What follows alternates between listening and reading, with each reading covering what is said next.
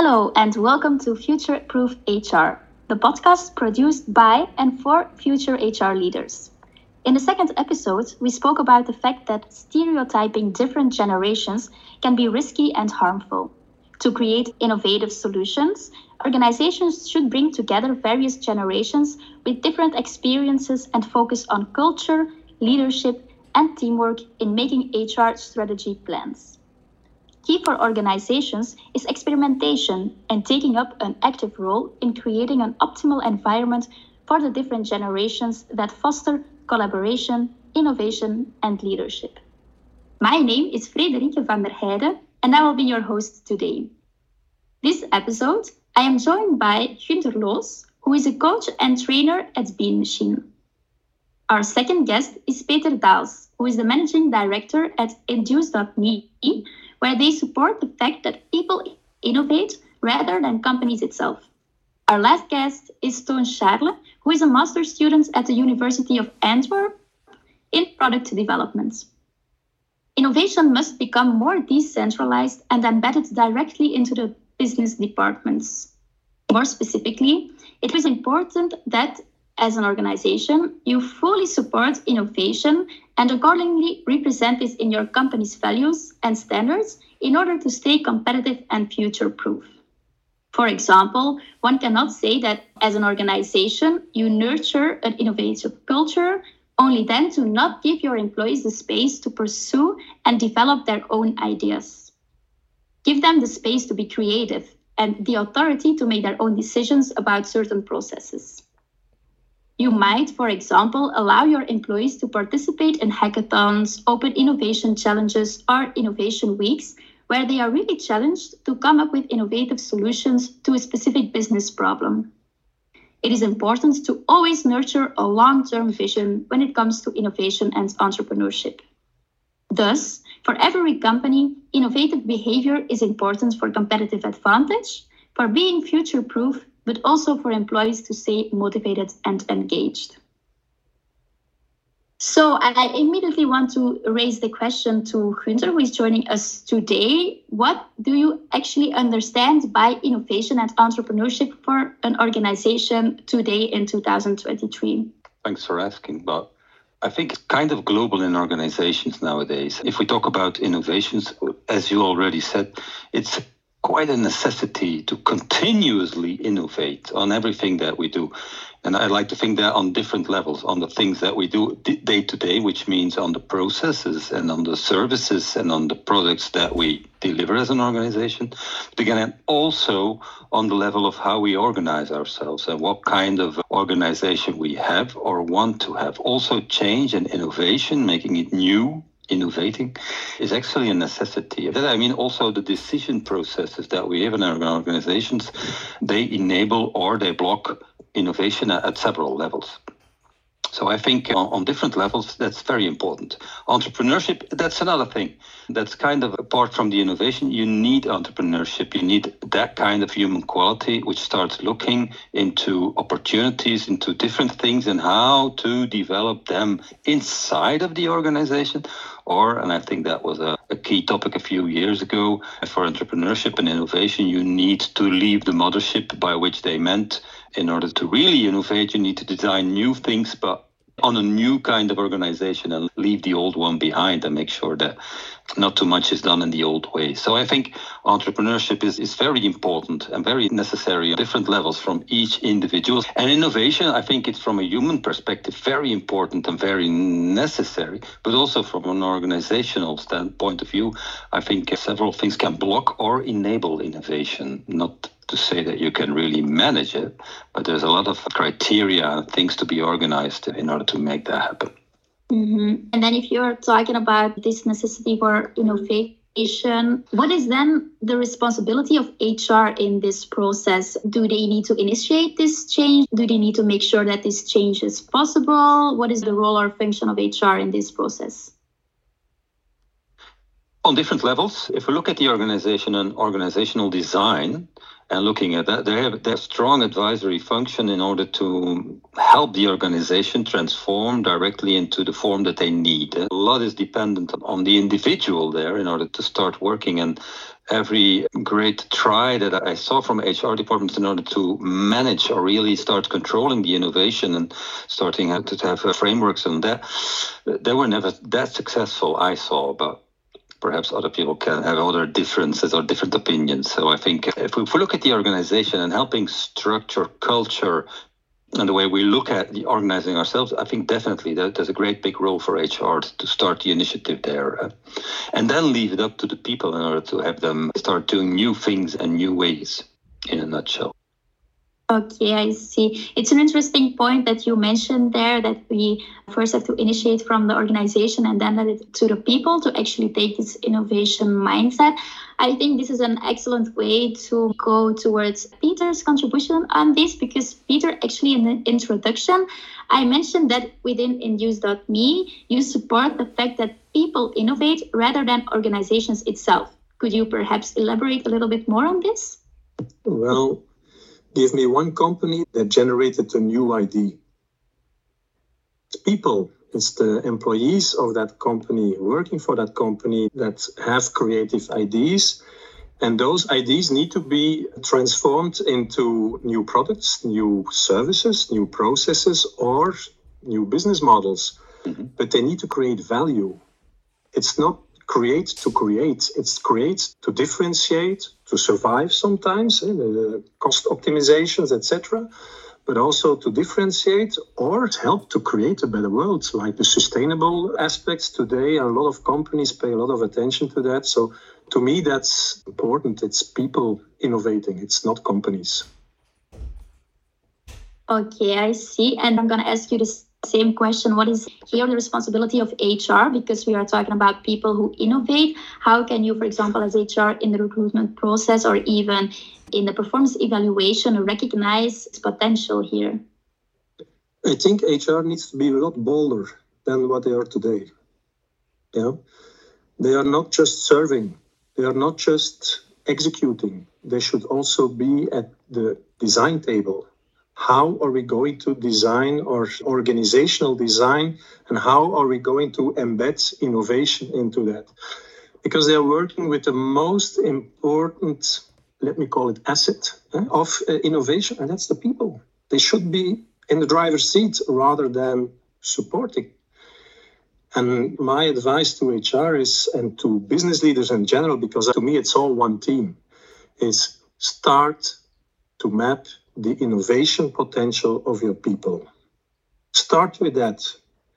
Simultaneously, look at the organizational design. Where is organization having its place? Because innovation has become a specific discipline, like you have marketing or you have sales or you have finance. It's more and more becoming a, a separate discipline within an organization.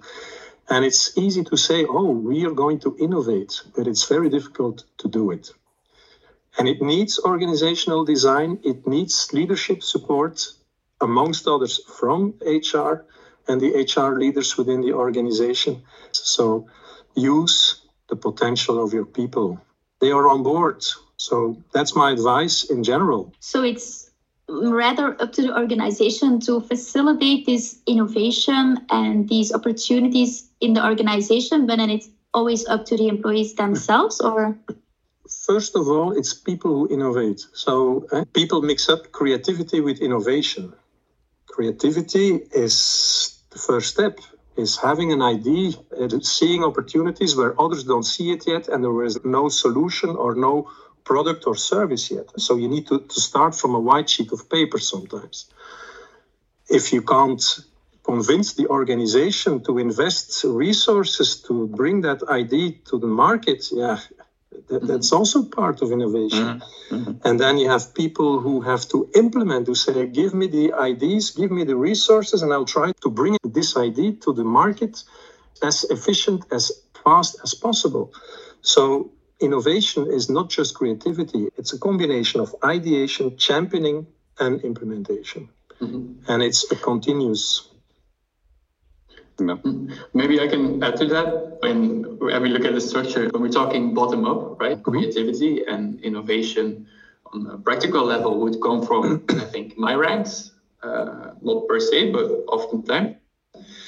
And innovation can be a very methodic thing, right? Mm-hmm.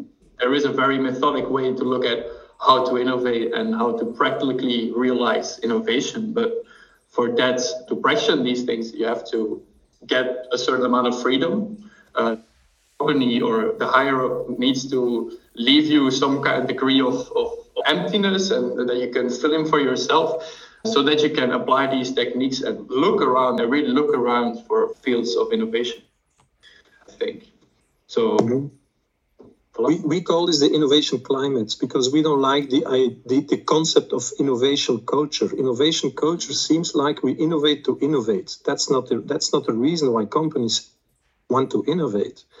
Innovation climate, actually, their companies and leadership needs to, let us say, create the circumstances at work that people are allowed to think out of the box, that they can experiment, that they are allowed to fail, fail but fail fast. Yeah? If you want to innovate and you don't allow your people to fail, well, good luck. It's a mission impossible.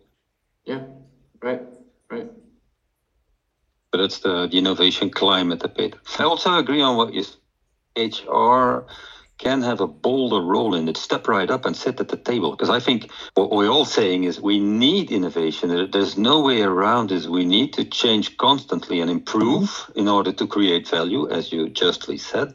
But that also means for HR to start working on that, which means if we look at what we need, we need people with skills able to innovate in all the different processes of innovation and mm-hmm. all the different steps. Uh, we mm-hmm. need to, to start saying, all right, not just anyone can answer this firm or organization. We need people with those specific skills, and we need to create that climate that you're, you're talking mm-hmm. about in order to, to facilitate, to make it possible. So I, I quite agree on that one. Step yeah. right up, HR. And also, an innovation climate, you will have, let us say, an and in between, between the leadership and the people who are, let us say, the, the workforce, eh, the employees that are coming up with new ideas, but the employees, they should really feel that it's expected from them to think out of the box, to look for different solutions. You need really people with innovation skills at an expert level as a core of your team, and you need to nurture that. You need to identify them, you need to empower them, you need to give them the autonomy, like Toon said, and you should encourage them and not use the traditional KPIs or whatever to actually track the progress or the lack of progress of an innovation, because then you kill every innovation project within three to six months. And would it also be crucial in this management of HR to include people who are working on the actual innovation to have a good understanding of or form realistic expectations on the HR level or mm-hmm. or get an idea of what it would take human resource wise. So to actually include, for example, the designers into this conversation, this discussion or this planning to get a realistic view on things, right? Yeah, for sure. And HR is part of that. And yeah, they really should be bolder. They should be really stepping forward and, and say, hey, we need to innovate as a company in order to be successful in the future, to be relevant in the future. And we need not just to support that, but we also need to help facilitate and make sure it's embedded in the climate of the company culture. Because there I believe in a company culture where innovation takes a prominent place that's something different than having an innovation culture. I agree on that one, but I was thinking about some examples that I know from some organizations. If I look at the introduction that Frédérique gave, eh, concerning also the age gap and how does that impact innovation, and, and does it get harder when you get older, or does it even get easier when you're young in an organization? And I saw a lot of different examples of how things work or not work. I work in for one organization and we have five values, but one of them is dynamic innovation. I don't know what dynamic innovation means exactly, but that's the word that they use, which probably means super innovative things and dynamic, very dynamic. And then on the other hand, is that CEO of that organization is the guy that comes with the new ideas for new products and services. He's always the one driving innovation from the strategic apex, from the top of the organization.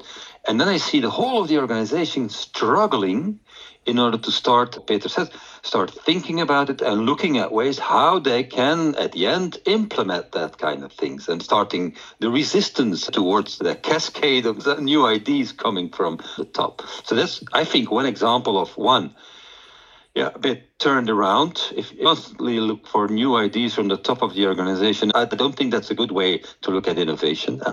And definitely the second one is, well, he's at the end of his tenure now, which means he's not a young guy anymore. He's still the person in house, looks at new ideas and looks at digital transformation and looks at transformation anyhow. I can see people looking from, hey, we're new here and we look from with, with new educations and new kind of mindsets towards what we're doing. And we think we should do it different, do different things on a different way. You know, there should be room for this kind of conversation, right? From top to bottom, the company itself should be as free or dynamic or open. The hierarchy should be not I impose this innovation on you. There should be conversation, maybe from the younger guys who have a different vision on a certain topic, and then the conversation should be open and not forced on them.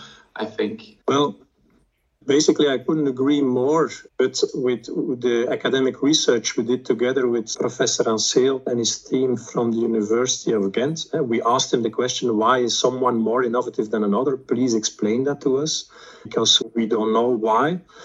Basically, what the conclusion of the academic research was is that innovation is a combination between ideation, championing, and implementation. Yeah. And innovation really can flourish if it's approached as a team effort. It's a team discipline. But innovation doesn't like silos. It likes multidisciplinary approach because you need the input, the functional expertise, knowledge from people. Like, for instance, eh, the younger generation, digital marketing and digitalization, they grew up with it.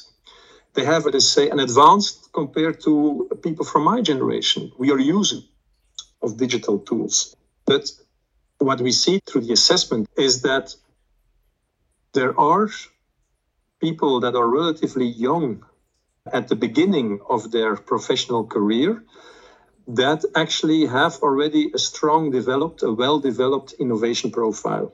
But that's a minority. If you can identify people like this and we can quantify it uh, with the assessment, those are high potentials. You don't have a job for them, hire them because they already have some critical thinking, the abstract thinking, the creative thinking, the problem solving thinking.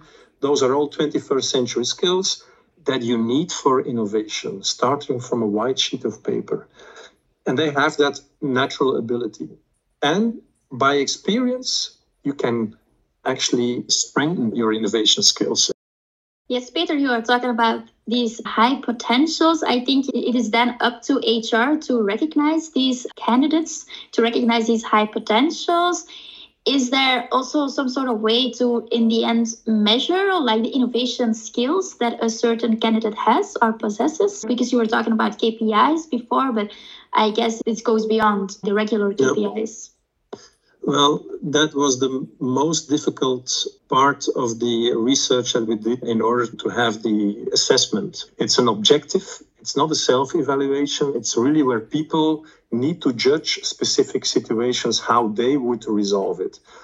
Um, that's really worldwide unique what we have developed because you're capable of quantifying it and there is no bias. It's what it is, and you're compared to how a group of innovation experts have resolved that in the past, but also how they failed in the past. So, yes, finally, at last, there is an ability for leaders, HR or whatever, to actually identify innovation talent and the innovation potential of the workforce of their company.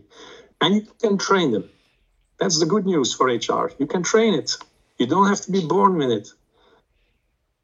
And that's where the people with more practical experience in their professional life they will close in on the naturally gifted. And I'm not saying that people at the beginning of their career don't have innovation skills. That's not what I'm saying. But we see that mm, the practical experience is also important because that's where you work together with people. It's not from a functional expertise. Again, it comes down to method.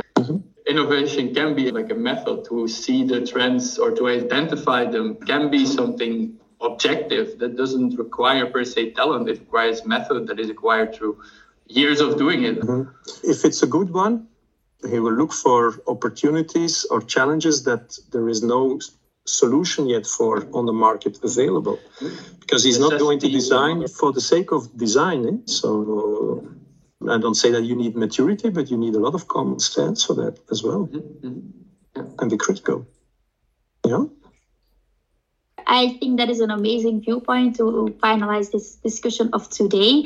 I wanted to ask you Does anyone still have something to share regarding everything that is talked about today?